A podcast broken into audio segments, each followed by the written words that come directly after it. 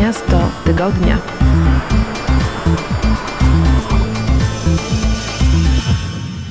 Witajcie, zapraszam Was serdecznie do odwiedzenia kolejnego miasta tygodnia. Tym razem jest to Paryż, do którego zaprasza nas przewodniczka, która zawodowo oprowadza polskich gości po tym mieście. Miasto tygodnia.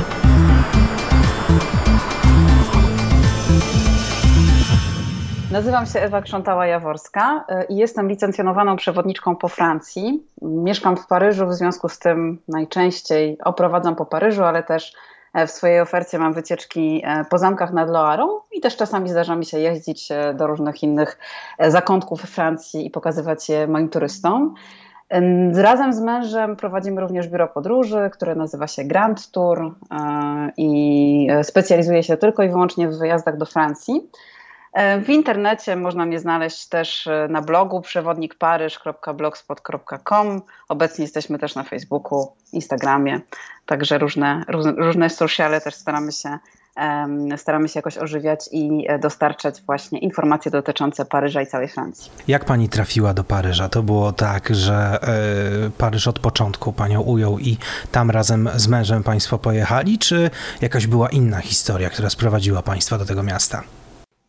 Ja pojechałam do Paryża tak naprawdę samodzielnie, to było jeszcze za czasów studenckich, studiowałam w Warszawie i pojechałam na Erasmusa, czyli tak dosyć klasycznie e, do Paryża. Mm, a wybrałam Paryż z tego względu, że w liceum zupełnie przypadkiem trafiłam do klasy z rozszerzonym językiem francuskim i to rozbudziło we mnie miłość do, do Francji i właśnie do francuskiego. Mm, też Francja jeszcze za, za czasów, kiedy ja byłam w liceum, prowadziła bardzo fajny program e, inspirujący młodych ludzi do tego, żeby się uczyć francuskiego. E, I ja ten, ten, ten program, taki konkurs międzynarodowy dwa razy wygrałam. Pojechałam wtedy na takie świetne, świetne dwa wyjazdy do Paryża w okolicach święta e, narodowego, czyli 14 lipca, kiedy dużo się w Paryżu dzieje. I tam z ludźmi z całego świata, młodymi ludźmi, e, zwiedzałam Paryż na różne sposoby, przeżywałam też tę, tę ekscytację związaną z 14 lipca i mogłam właśnie porozmawiać z tymi ludźmi po francusku. I to mi uświadomiło, że, że, że lubię ten język, że, że rzeczywiście do czegoś służy znajomość francuskiego. No więc y, wyjazd destynacji na Erasmusa był y, dosyć, czy wybór destynacji na Erasmusa był dosyć oczywisty w moim przypadku. Mm, I później, po, po praktycznie kiedy rok na Erasmusie się kończył, zaproponowano mi też możliwość studiów, kontynuowania studiów w Paryżu i tak jakoś się to potoczyło, że tak naprawdę wsiadłam do pociągu, skoro przejeżdżał e, i jestem już w Paryżu prawie od 14 lat. Niesamowite. E czy to prawda, że w Paryżu trzeba tak bardzo uważać, że wystarczy, kiedy para idzie ulicą i mężczyzna kucnie, by zawiązać buta i już można pomyśleć, że będą świadczyny? Zależy, gdzie się przechodzi. Jeżeli przechodzi się koło wieży Eiffla, no to może. Słyszałam takie historie od innych przewodników, że czasami zdarzało im się widzieć mężczyznę, który się oświadcza, po czym e, właśnie prezentuje właśnie ten pierścionek e, swojej wybrance, po czym ma ochotę skakać z wieży, bo akurat powiał wiatr i mu pudełeczko wy wy wypadło i niestety zleciało z tych 320 metrów na ziemię. No Boże. E, natomiast tak, Paryż Miasto Miłości, z tym się na pewno kojarzy. E, mi też zdarzało się organizować różne ciekawe niespodzianki, podczas których właśnie dochodziło do oświadczyn. E, także, także tak, e, można, można rzeczywiście mm, fajne, miłe, romantyczne chwile w tym mieście przeżyć. Niech mi pani powie zatem, jakimi właśnie ścieżkami e, pani porusza się po Paryżu, bo domyślam się, ja miałem przyjemność w tym mieście być dwa razy i to jest miasto, które no, nie da się go zobaczyć za jedną podróżą. Ono mam, jest ogromne, ma mnóstwo dzielnic, ma mnóstwo stron, mnóstwo wymiarów. Jakie pani pokazuje? Mhm. Ja może tylko nawiążę do Pana pytania y, i jednego elementu, który się w tym pytaniu, y, po, który, się w tym, który się w tym pytaniu pojawił. Koniecznie. A mianowicie powiedział Pan, że to miasto jest ogromne. I to jest, to jest tak naprawdę mit na temat Paryża. Paryż zupełnie nie jest miastem dużym w znaczeniu szerokim, rozległym. Proszę sobie wyobrazić, że Paryż, który ma 105 km kwadratowych, jest pięć razy mniejszy niż Warszawa powierzchniowo. Jest również mniejszy niż Wrocław, jest mniejszy niż Poznań, niż Gdańsk. Także to jest miasto tak naprawdę bardzo kompaktowe. Ale na tym terenie 105 km kwadratowych znajduje się cała masa przepięknych miejsc, cała masa miejsc, które znamy, nawet nigdy w Paryżu nie będąc, bo y, sporo ludzi o ile nie wszyscy, słyszało o Louvre, o wieży Eiffla oczywiście, która jest chyba najbardziej rozpoznawalną budowlą na świecie. E, I tak naprawdę mm, jakby ilość możliwości, którą mamy odwiedzając Paryż, e, ilość, ilość spojrzeń, które możemy, e, które możemy rzucić na to, na to miasto, jest rzeczywiście ogromna. I ja tak naprawdę w momencie, kiedy mm, oprowadzam po Paryżu, to staram się oprowadzać po Paryżu oczami tych moich turystów. Czyli tak naprawdę staram się najpierw słuchać ich, ich potrzeby, czy to podczas rozmów telefonicznych przed wyjazdem, czy to gdzieś tam e, podczas wymian mailowych, jakoś wyczuć, e, czego oni tak naprawdę oczekują i czego, czego chcą, czego, czego oczekują po tym swoim wyjeździe do Paryża. A później, jak już się poznamy i tak trochę obwąchamy podczas tych pierwszych, nie wiem, 30 minut wspólnego spaceru, to nagle pojawiają mi się w głowie jeszcze inne mm, pomysły na miejsca, w które mogę ich zabrać, bo nagle okazuje się, że jednak widzę w nich mm, pasję do czegoś, co, nie wypłynęło gdzieś tam podczas tych naszych pierwszych rozmów. I tak naprawdę Paryż pokazuje z bardzo różnych perspektyw. To może być perspektywa najbardziej znana, najbardziej sztampowa, w tym sensie, że mogę zaprowadzić e, moich turystów do tych najbardziej znanych zakątków i najbardziej znanych zabytków, a i tak e, staram się zawsze je pokazywać od strony, od strony nietypowej, od strony może mniej znanej, może głębszej, bardziej, bardziej szczegółowej, po to, żeby i tak one nabrały nowego charakteru. A zdarza mi się rzeczywiście, że ktoś mówi, że był w Paryżu już, nie wiem, 15 razy, E, i e, chcę, chcę, żeby go zaskoczyć. I rzeczywiście też e, takie miejsca można jak najbardziej wyciągnąć gdzieś tam spod lady, bo proszę mi wierzyć, ja po 14 latach jeszcze wszystkiego nie widziałam i tak naprawdę pewnie nie uda mi się wszystkiego, wszystkiego zobaczyć. I też jakby zastanawiam się, czy, czy zobaczenie wszystkiego od A do Z ma sens, bo to trochę jak czytanie encyklopedii od A do Z właśnie szukamy tego, co nas interesuje, szukamy tego, co, e, co gdzieś tam nas zaciekawi. I ja zawsze właśnie mm, to traktuję jako takie motto, jako taką myśl przewodnią podczas moich wycieczek.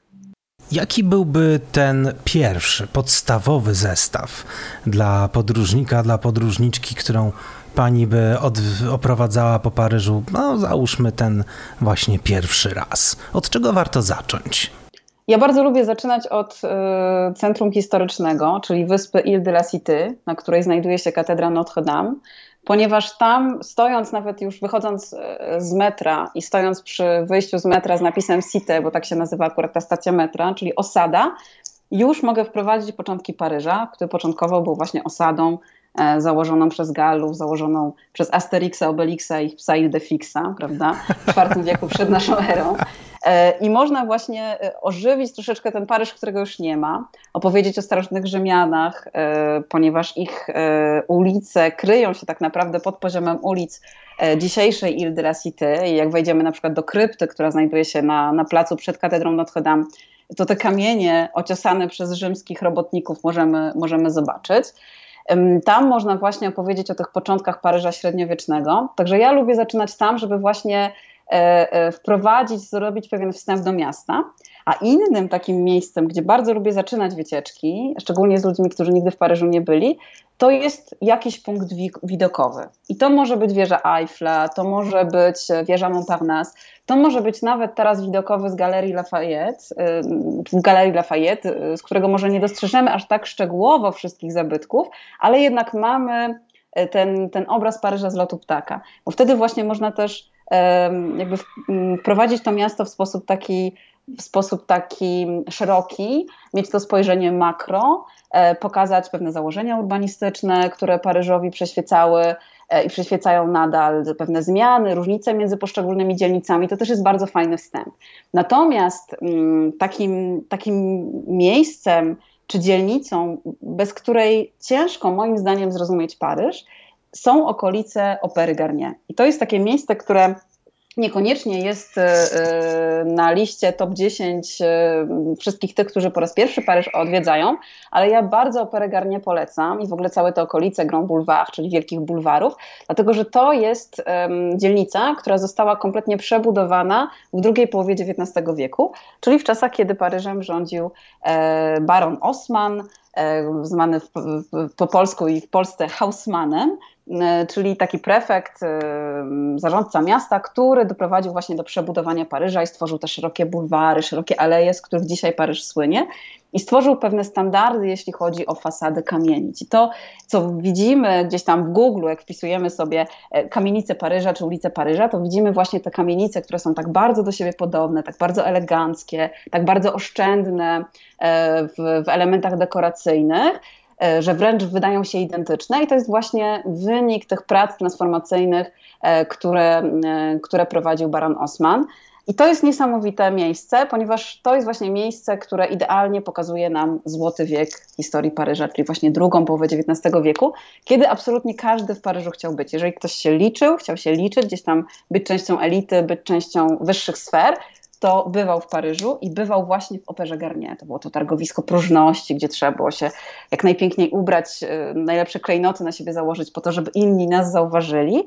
Um, i, I, to, właśnie jest, to właśnie jest ten moment takiego absolutnego rozkwitu tego miasta. To jest to, czego szukamy, jak jedziemy do Paryża i mówimy Francja elegancja. Gdzie ta Francja elegancja? Właśnie tam.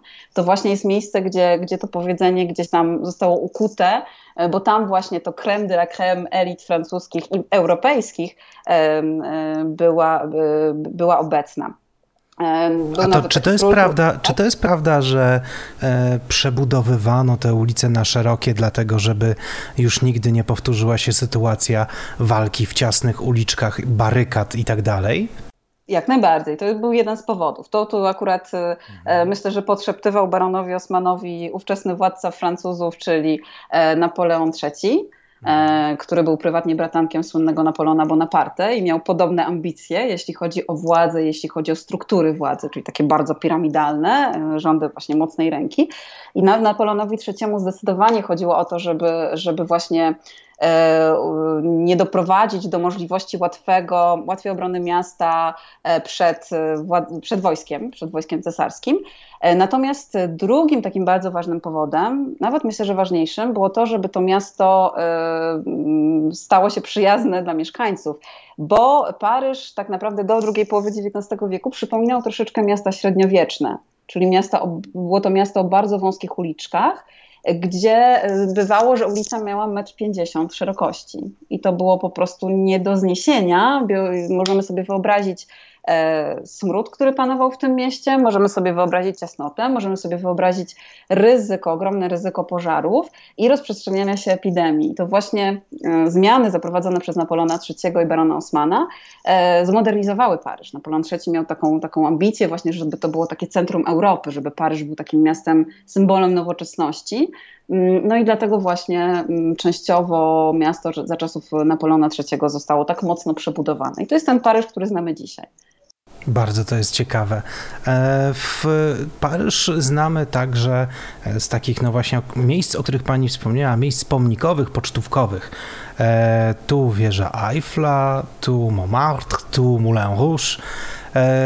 Czy każde z tych miejsc wymaga jakby osobnej wycieczki? Jak się je zwiedza? Tak naprawdę zależy od tego, czego oczekujemy od danego miejsca. Na przykład, jeżeli mamy ochotę tylko i wyłącznie wjechać na szczyt wieży Eiffla po to, żeby powiedzieć, byłem tam, zrobiłem to i odhaczyć to na swojej liście, to tak naprawdę to może być dosyć krótka wycieczka. E, natomiast jeżeli chcemy zrozumieć jakby fenomen wieży Eiffla, zrozumieć czym ona była, jeśli chodzi o rozwój też inżynierii, o rozwój budownictwa, E, nie wiem, posłuchać e, dużo o specyfice wind na wieży Eiffla. I nawet już będąc na szczycie czy na drugim poziomie i patrząc na panoramę miasta, wiedzieć dokładnie, co to za budynek, na który patrzymy, potrafić odczytać jakby tę, tę mapę miasta, no to rzeczywiście to już wymaga albo sporego przygotowania ze strony turysty, no albo właśnie dobrego przewodnika. E, bo tak naprawdę o każdym z tych miejsc, to są tak jakby niesamowite miejsca i tak ważne dla, dla historii, nawet można powiedzieć Europy czy, czy ludzkości wręcz, e, trochę patetycznie brzmi, ale myślę, że jest w tym, no jest w tym prawda. To są takie giganty, że tak naprawdę e, e, można, można niesamowicie długo o nich opowiadać i można niesamowicie długo o nich słuchać, a można tylko skwitować właśnie mm, stwierdzeniem, że okej, okay, e, ikona, byłem tam, widziałem i tak dalej, i tak dalej. Także ludzie różnie reagują. Ja zawsze mając właśnie czy potencjalnych turystów, czy później już, już, już swoich turystów, z którymi spaceruję po mieście, to zawsze staram się troszeczkę czytać właśnie te ich potrzeby. Czy to w dyskusji, czy to nawet w ich oczach i reakcjach na, tym, na to, co mówię, bo są tacy, którzy potrzebują jakby esencji i, i, i, tyle. Są tacy, którzy właśnie każde miejsce chcą zrozumieć dogłębnie, wpisać w jakiś szerszy kontekst. No i wtedy to już wymaga no, większego, na pewno większego przygotowania i większego takiego nakładu też czasowego. No to podzielmy sobie w takiej sytuacji gości na e, rodzaje i spróbujmy coś im zaproponować, bo spodziewam się, że po tym jak nas wysłuchają, e, bardzo możliwe, że się będą do Państwa odzywać z czasem i mówić: OK, ja bym chciał, chciała pójść takim, a nie innym tropem. E, na pewno będziemy mieli takich, którzy zainteresują się sztuką, bo Paryż jest ze sztuką związany e, i to bardzo, bardzo mocno na wiele sposobów. E, będą też tacy, którzy będą chcieli poznać Paryż rozrywkowy na przykład. Czy takie dwie ścieżki byłaby Pani w stanie nam jakoś nakreślić? Oczywiście, oczywiście. Jeżeli chodzi o Paryż artystyczny, to, to jest to e, no niesamowicie bogata oferta i tak naprawdę to już możemy jeszcze sobie podzielić takiego, takich turystów na podgrupy, na takich, którzy wolą sztukę E, klasyczną, na tych, którzy wolą sztukę współczesną każdy z nich znajdzie coś dla siebie. No ale na pewno y, takim początkiem jest Louvre i wizyta w Louvre dla osoby, która lubi sztukę i ceni sztukę jest czymś wyjątkowym, dlatego że po pierwsze spektrum dzieł, które są tam wystawione jest ogromne. To są dzieła, od, które powstały od czasów starożytnych do mniej więcej 1848, no to jest ta, ta cezura czasowa związana z wiosną ludów. Mm, I jest i malarstwo, i rzeźba, i niesamowity zbiór e, sztuki użytkowej, mebli, e, dywanów, gobelinów itd., tak itd. Tak Także to są niesamowite, niesamowite eksponaty. I tak naprawdę idąc do Louvru można e, to potraktować jako takie właśnie czytanie, można powiedzieć, wielkiego albumu historii sztuki. Także na pewno, na pewno od tego warto zacząć. Tylko tam Kolej... chyba kolejki są, prawda? Straszne. Jak to jest? Teraz myślę, że pandemia y, wprowadziła sporo nowości i, i, wprowa- i myślę, że te nowości przetrwają. Polegają one, one na tym, że każdy, y, kto odwiedza Louvre aktualnie, musi mieć bilet na konkretną godzinę. W związku z czym to troszeczkę pozwala lepiej y, muzeum kontrolować ilość ludzi E, i kontrolować właśnie mm, ten przepływ turystów. W związku z czym te kolejki teraz są oczywiście dużo mniejsze, też ze względu na ograniczony ruch turystyczny. Ja też oczywiście te kolejki obserwuję, ale obserwuję zawsze z boku, dlatego że my jako przewodnicy zawsze mamy wstęp jakby priorytetowy. Dlatego ja jak idę z, oprowadzać do Louvru, to, to nigdy nie czekamy w kolejce, ja i moi turyści, tylko idziemy po prostu specjalnym przejściem i to pozwala uniknąć e, ogromnej straty czasu, bo, bo nawet najwspanialsze muzeum myślę nie jest warte stania, nie wiem, trzech czy czterech godzin gdzieś tam w upale w kolejce. Mm, także w, czasach przed pandemią te kolejki rzeczywiście były, aczkolwiek, no tak jak mówię, ja, ja w nich nie stałam, więc też, też patrzyłam na nie troszeczkę z boku. Wracając już do muzeów, e, to e, kolejnym takim muzeum, które jakby kontynuuje dzieło Louvru jest Muzeum Orsay. Bardzo, bardzo ciekawe muzeum, które po pierwsze położone jest w niesamowitym miejscu, bo położone jest w dawnej stacji kolejowej, w dawnym dworcu kolejowym z 1900 roku, który jest niesamowicie piękny pod względem architektonicznym i z zewnątrz, i wewnątrz. I w tym właśnie muzeum zaprezentowane są dzieła XIX wieku, XIX wieku powstałe w XIX wieku. E, też niesamowicie zróżnicowane.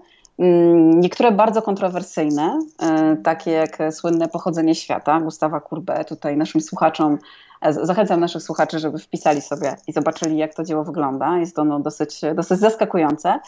Mm, no i oczywiście w tym muzeum zobaczymy największą kolekcję obrazów impresjonistycznych na świecie. Także na samym piętrze, piątym piętrze, czyli tam, gdzie są wystawieni impresjoniści, można spędzić spokojnie 2-3 godziny podziwiając dzieła Monet, Manet, Degas, Renoira itd., tak itd. No i takim, i tę sztafetę, jak gdyby mm, epo, epok zamyka mm, Centrum Pompidou, czyli kolejne Muzeum Narodowe, gdzie z kolei zaprezentowane są dzieła współczesne, czyli od początku XX wieku do właściwie wczoraj, no bo to muzeum musi cały czas e, odnawiać też swoją kolekcję, kupować kolejne dzieła po to, żeby rzeczywiście było Muzeum Sztuki Współczesnej, a nie Muzeum Sztuki Współczesnej przykryte, przykryte kurzem, prawda? Więc, więc cały czas ta, mm, ta kolekcja się powiększa i, e, i odnawia. I to, są, i, i to jest taka, taka baza. Natomiast jeśli chodzi o muzea, to jest ich strasznie, strasznie dużo w Paryżu. Mm, w związku z czym y, możemy zajrzeć równie, równie dobrze do mniejszych muzeów. Możemy równie dobrze zajrzeć do muzeum darmowych. I to też jest fajna, fajna podpowiedź dla naszych słuchaczy, że Paryż jako miasto posiada całą sieć muzeów, takich jak na przykład Petit Palais, czyli mały pałac położony przy polach elizejskich, gdzie gdzie jest ogromnie dużo dzieł sztuki. Także impresjoniści się tam znajdują, także zobaczymy tam dzieła Courbet, także zobaczymy tam e, greckie figurki z czasów antycznych. I to muzeum jest absolutnie bezpłatne dla każdego. I można te dzieła podziwiać, po prostu wejść na chwilę, zanurzyć się e, w kolekcji tego muzeum i wyjść e, po, po, po jakimś czasie. Także naprawdę niesamowicie dużo, dużo to miasto ma do zaoferowania. No i do tego żeby, żeby nie było tego za mało, to jeszcze Paryż jest miastem pod względem muzealnym niesamowicie tętniącym życiem. Tutaj um, różne muzea, różne instytucje przygotowują um, wspaniałe wystawy czasowe. I to są wystawy tematyczne, to są wystawy przekrojowe, które łączą czasami w bardzo e, taki zaskakujący sposób artystów klasycznych i artystów współczesnych. E, niektóre z nich są bardzo głośne, tak jak na przykład słynna wystawa o Leonardo da Vinci, która była w Louvre od października 2019 do lutego 2020. Tuż przed pandemią się skończyła, także jeszcze można było ją spokojnie oglądać. Mm, I to, było, to była jedna z, najgłośniejszych wystaw w tamtym okresie na świecie, bo, mhm. bo rzeczywiście do Louvru sprowadzono ogromnie dużo dzieł Leonardo da Vinci i jego uczniów.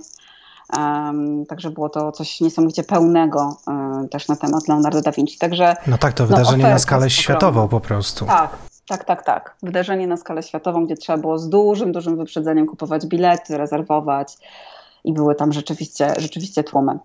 Niesamowite. Natomiast jeżeli chodzi o tę ścieżkę rozrywkową, E, to też jak najbardziej. Paryż e, jest nazywany miastem świateł, bo nie zasypia nocą, tylko właśnie te światła e, błyszczą i, i, i miasto tętni, tętni życiem, tętni niesamowitą energią nocną. Na pewno warto odwiedzić paryskie kabarety. Pan wspomniał wcześniej o, o Moulin Rouge, czyli właśnie o tym kabarecie um, bardzo, bardzo słynnym, gdzie jako w pierwszym kabarecie zaczęto tańczyć kankana, także można było tam zobaczyć ten słynny taniec, który wszyscy znamy, gdzie tancerki mhm. podnoszą bardzo, bardzo wysoko nogi.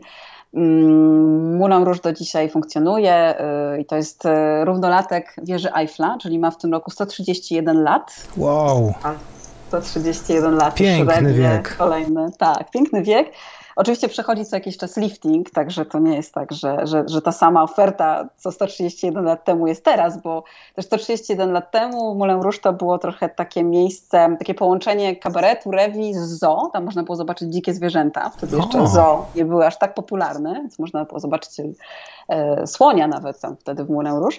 No jeszcze też e, opowiadam e, bardzo często moim turystom, szczególnie jak są dzieci na pokładzie, bo to zawsze je bardzo interesuje, że e, przed właśnie taką rewią taneczną pojawiał się pan Pierdziawka, mm, Patoman, który, naprawdę, który po prostu za pomocą właśnie swoich czterech liter wyśpiewywał piosenki. No proszę. Naprawdę, tak potrafi. Można, tak. można i domyślam się, że to cieszyło się sporą popularnością. Tak, tworzyło to pewnie niesamowitą atmosferę miejsca. Jeżeli ludzie chcieli poczuć atmosferę Moulin Rouge, to trzeba się było, było wybrać na pana pierdziawkę, a potem już wchodziły panie na scenę i tańczyły, tańczyły kankana. No dzisiaj ta rewia jest y, zdecydowanie oparta na tańcu, akrobatyce, y, jest na bardzo, bardzo wysokim poziomie i, i cieszy widzów, także y, mhm. je, rzeczywiście Moulin Rouge jest co wieczór pełne. Rewia odbywa się dwa razy, dwa razy każdego wieczoru, codziennie. Także da się tam w ogóle wejść? Czy to jest też miejsce, gdzie no, trzeba się znacznie wcześniej wystarać o wejściówkę? To zależy tak naprawdę od e, danej daty, dlatego że Paryż to jest również miejsce, miasto kongresów, różnego rodzaju konferencji branżowych mhm. E, i tego typu eventy zawsze e, ściągają tak dużą ilość ludzi do Paryża, że miejsca najbardziej oblegane, takie jak Moulin Rouge, jak wieża Eiffla, mm, wyprzedają szybciej swoje bilety właśnie na takie daty związane z kongresami. Mhm. Więc jeżeli nie, niestety trafimy do Paryża w czasie, kiedy akurat zjechało się na przykład 40, 40 tysięcy jakichś, nie wiem, lekarzy, no to jest mała szansa, że będziemy mieli bilety do Moulin Rouge, bo akurat, y, bo akurat one się już wyprzedały. E, natomiast y, normalnie nawet czasami tego samego wieczoru można bilet dostać. Także to jest, nie ma reguły. Trzeba warto sprawdzać. sprawdzać. Tak, warto sprawdzać. Oprócz tego bardzo polecam też e, kabaret przy Polach Elizejskich, niedaleko Łuku Triumfalnego, czyli Lido mhm. której, który jest nowocześniejszy w, w, swojej ofercie, w tym co proponuje, niż Moulin Rouge, ponieważ tam też scenografia jakby malowana jest światłem, laserami, także to tak e, dużo nowocześnie jest przygotowane. Mm, ale jeśli chodzi o poziom artystyczny, to i i Lido jak najbardziej fantastyczne. No i jeszcze dla, y, dla dorosłych y, bardzo fajnym rozwiązaniem jest kabaret Crazy Horse, mhm. który jest dużo bardziej intymny w swojej ofercie, w sensie, że ten, ten spektakl jest mniej oparty na kolorach, na ferii barw, na, na takim show, a dużo bardziej na subtelnym, subtelnej nagości, ale takiej naprawdę podkreślającej piękno jakby ludzkiego, kobiecego w tym -hmm. przypadku ciała. I bardzo, bardzo fajne. No tylko, że wtedy, o ile mm, na przykład do Moulin Rouge czy do Lido wejdziemy bez problemu z dziećmi od szóstego roku życia, siódmego, trzeba mieć więcej niż 6 lat, Natomiast do Crazy Horse rzeczywiście już e, idzie tylko i wyłącznie publiczność dorosła. Ale no tak. bardzo, bardzo polecam. Bardzo smaczny spektakl, e, bardzo fajne miejsce. I tam e, też miejsce, można powiedzieć polonikum, chociaż to brzmi, brzmi bardzo górnolotnie, natomiast tam tańczyła Krystyna Mazurówna, nasza polska tancerka, w związku z Proszę. Kawałek historii. Drogi, tak, kawałek historii polskiej również przez Crazy Horse gdzieś tam się e, przemieścił. Tak. A podpytują panią czasem e, w, odwiedzający Paryż o dumanie na paryskim bruku i te XIX-wieczne peregrinacje naszej wielkiej emigracji? Tak, zdarza się. Zdarza mi się również mieć wycieczki śladami Polaków. Nawet na naszej stronie mamy taki, taką wycieczkę jako przykład jakby tematu, który, który możemy poruszyć podczas zwiedzania Paryża. Więc Paryż śladami Polaków jak najbardziej cieszy się popularnością. Wtedy można odwiedzić e, przede wszystkim najbardziej polski zakątek Paryża, czyli Wyspę Świętego Ludwika, gdzie znajduje się słynny hotel Lombert który był własnością książąt czartoryskich i gdzie e, właśnie nasi wielcy rodacy, tacy jak Mickiewicz e, czy Chopin spotykali się i dumali o tym, jak tam przywrócić Polsce niepodległość. Tam znajduje się do dzisiaj Biblioteka Polska i Towarzystwo Literackie Polskie, które organizuje też dużo imprez, koncertów, różnego rodzaju wydarzeń artystycznych związanych z polskimi artystami. Poza tym e, możemy czasami też e, e, rzeczywiście podczas swoich wycieczek tam, tam chodzę, mm, przejść się ulicą Sekwany, Rue de la Seine, gdzie mieszkał Adam Mickiewicz w momencie wydania Pana Tadeusza. Jest nawet tabliczka w dwóch językach, czyli po polsku i po francusku, że to właśnie mieszkał Adam Mickiewicz. Mhm. Możemy oczywiście odwiedzić Marię Skłodowską-Curie, idąc do Panteonu, gdzie jest pochowana no i mm, w innym miejscu, czyli na cmentarzu Père Lachaise, czeka na nas obecny ciałem, ale nie sercem, Fryderyk Chopin, e, pochowany właśnie na tym takim bardzo pięknym, prestiżowym, romantycznym cmentarzu. No to jeszcze jedna ostatnia ścieżka, o którą muszę Panią zapytać, bo już tak rozbudziła Pani nam e, wszystkim apetyt na Paryż, a przecież Państwo mają także i op, e, op, jakby oprowadzają po Paryżu ścieżką smaków. Jakie są tak. smaki Paryża? Bardzo różnorodne. Tak naprawdę, jeżeli chodzi o y, nasze wycieczki, to my oczywiście skupiamy się na y, francuskich smakach Paryża. Mm-hmm. Czyli podczas tych wycieczek chodzimy uliczkami albo dzielnicy Le Marais, takiej mniej znanej, albo właśnie Montmartre i zatrzymując się w różnego rodzaju butikach wyspecjalizowanych w danych produktach, degustujemy francuskie sery, próbujemy różnego rodzaju oliwy z oliwek, e, próbujemy francuskich czekoladek, e, oczywiście makaroników, zatrzymujemy się na, kaliszek, na kieliszek wina. Także ta degustacja mm, jednak oscyluje wokół takich typowo francuskich smaków, no bo tego też oczekują nasi turyści. Natomiast rozszerzając jak gdyby to pytanie o smaki Paryża, to tak naprawdę Paryż jest miastem niesamowicie wielokulturowym i tak naprawdę jeżeli mamy ochotę na jedzenie z jakiegokolwiek zakątku świata, to na pewno w Paryżu je znajdziemy. E, w jakiejś restauracji. Na pewno ktoś takie jedzenie proponuje. Mm, I tutaj na samym początku Pan wspomniał, że właśnie Paryż jest miastem wielu dzielnic i tak rzeczywiście jest. Te dzielnice są niesamowicie od siebie tak socjologicznie różne, e, różne pod względem kulturowym, jeśli chodzi o populację, która zamieszkuje daną dzielnicę. E, I dlatego, jeżeli mamy ochotę na przykład na dobre jedzenie wietnamskie czy chińskie, to jedziemy do dzielnicy 13. To każdy wie po prostu, że 13 to jest taka bardziej azjatycka, albo okolice Louvru, tam e, Rue Saint-Anne, też tam najlepsze z kolei restauracje japońskie się znajdują i tak dalej, i tak dalej. Także mm, Paryż to jest, to jest takie miasto mocno wielokulturowe, również pod względem gastronomicznym. Ile czasu tak naprawdę powinno się mieć, żeby, e, żeby zobaczyć Paryż, żeby choć troszkę go poznać. Czy tydzień już wystarczy? Tak, tydzień zdecydowanie wystarczy.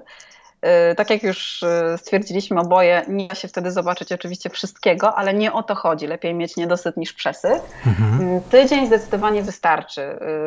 Dziewięć dni to już naprawdę jest taki czas, kiedy i możemy zakosztować E, skorzystać jakby z oferty, która, którą nam proponuje to miasto, ale też e, nie musieć jak gdyby zwiedzać, e, zwiedzać tego miasta trochę tak jak według planu lekcji. A, czyli od takiej godziny do takiej godziny, prawda, z zegarkiem w ręku wchodzimy mhm. do poszczególnych muzeów, bo jest czas na to, żeby doświadczyć tego Paryża. A doświadczyć Paryża to również usiąść w kawiarence, usiąść przy stoliku, który znajduje się przed kawiarnią, z małą kawą, z papierosem, o ile ktoś pali, to jest bardzo francuskie, oczywiście nie namawiam, natomiast, e, natomiast to jest bardzo francuskie, więc popatrzeć na tych, na tych właśnie Paryżan, którzy z gazetą codzienną, kawą i papierosem właśnie spędzają czas po prostu, nie spieszą się.